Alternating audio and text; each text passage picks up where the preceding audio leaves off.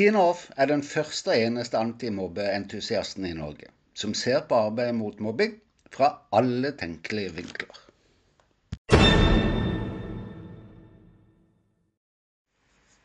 Med et nytt regjeringsskifte, nye ministre og ny kunnskapsminister er det mange som gjerne vil ha sine interesseområder og utfordringer tatt tak i så kjapt som mulig. Mange har tungtveiende grunner. Den ene mer tungvekter på sitt område enn den andre. Og så er det enkeltstemmene, organisasjonene, foreldre og tidligere elever. Det kan fort bli mange stemmer, det. Og mange problemområder å skulle løse opp i. Legger man til at revideringen av opplæringsloven er ute på høring akkurat nå, samt at den nye kunnskapsministeren ikke ser ut ha skolefaglig bakgrunn, ja, da kan det fort bli både komplisert og tidssensitivt for den nye å skulle vite hva en skal ta tak i, i hvilken rekkefølge og når. Ikke minst hvordan ministeren skal makte å løse flere floker samtidig. Klart vi kan snakke om det. Velkommen til episode 49. Hvor trykker skoen mest for en kunnskapsminister i skolen i dag? Svaret vil jo avhenge av hvem en spør, selvfølgelig. Noen er veldig opptatt av å få heva karakterene blant elevene. Kanskje de siste årenes avsløringer av den store økningen i barn og unges uhelse er der vi heller burde skape bedre resultater akkurat nå. Ja, for bedre karakterer kommer jo lettere når elever gis de forutsetningene som de trenger for læring og utvikling, nemlig trygge og gode skolemiljø. For lærerne på den andre sida har varselsparagrafen bydd på problemer, altså opplæringslovens paragraf 9 av 5, som handler om voksne som utøver mobbing overfor elever. Jeg er enig i at en må ta tak i den økende voldsutøvelsen blant elever som vi er vitne til og at de siste års varselsaker har vært stygt håndtert overfor en rekke lærere. De trengs det absolutt å ta tak i, men å fjerne paragrafen vil være skivebom.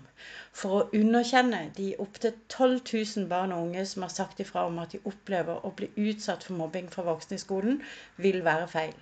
Ikke minst når vi snakker om at mye er løst om en bare fjerner ett av begrepene i paragrafen, og så heller gir håndtering av varselsaker et langt større fokus.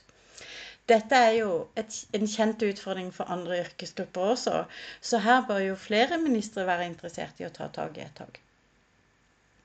Det felles med karakterfokuset og lærerens ønske er at de begge peker tilbake på det barna trenger, nemlig å oppleve trygge og gode skolemiljøer, med rom for både elever og voksne.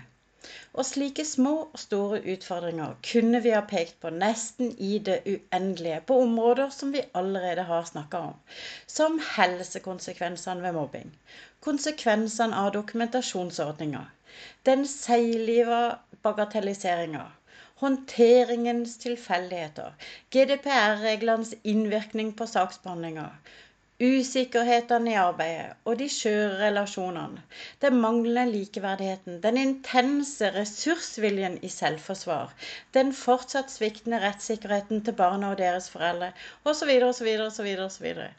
Det de alle har til felles, er at det i praksis endring trengs.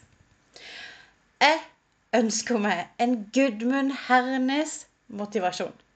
Ikke for å endre læreplanen, men som med iver går løs på noe enda viktigere, nemlig de varme områdene, menneskeverdet, som gjør at vi jobber i samme retning.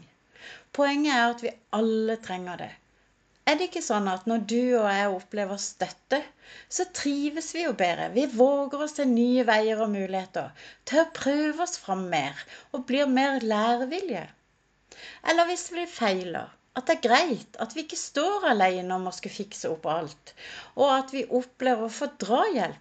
Vil ikke det redusere frykten for represalier eller sanksjoner på den ene eller den andre måten?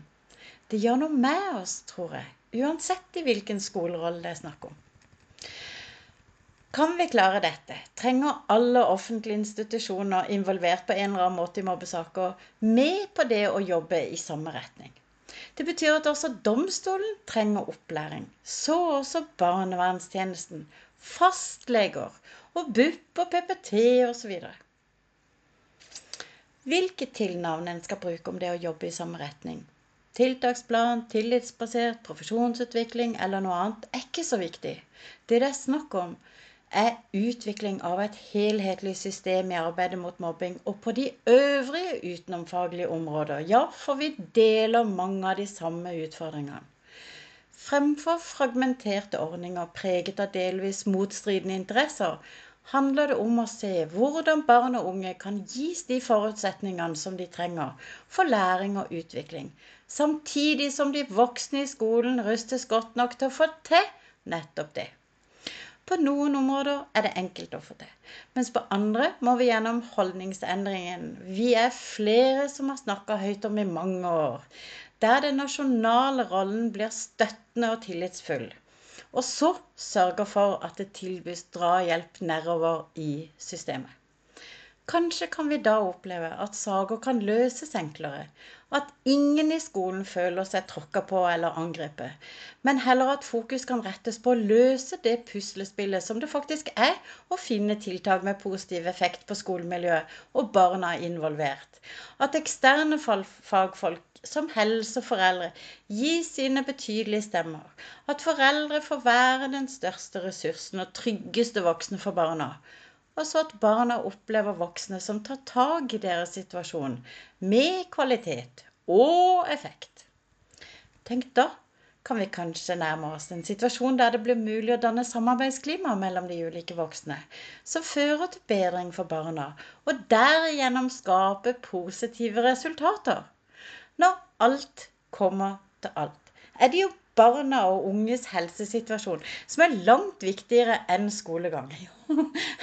Jeg beklager å måtte si det, men sånn er det jo. Å skape resultater på et område som har vært satset på i over 40 år, dog uten å ha oppnådd noen særlige forbedringer, hadde jo virkelig vært noe å legge igjen etter seg som kunnskapsminister, det. Vi ønsker lykke til til kunnskapsministeren som har tatt posisjonen. God uke!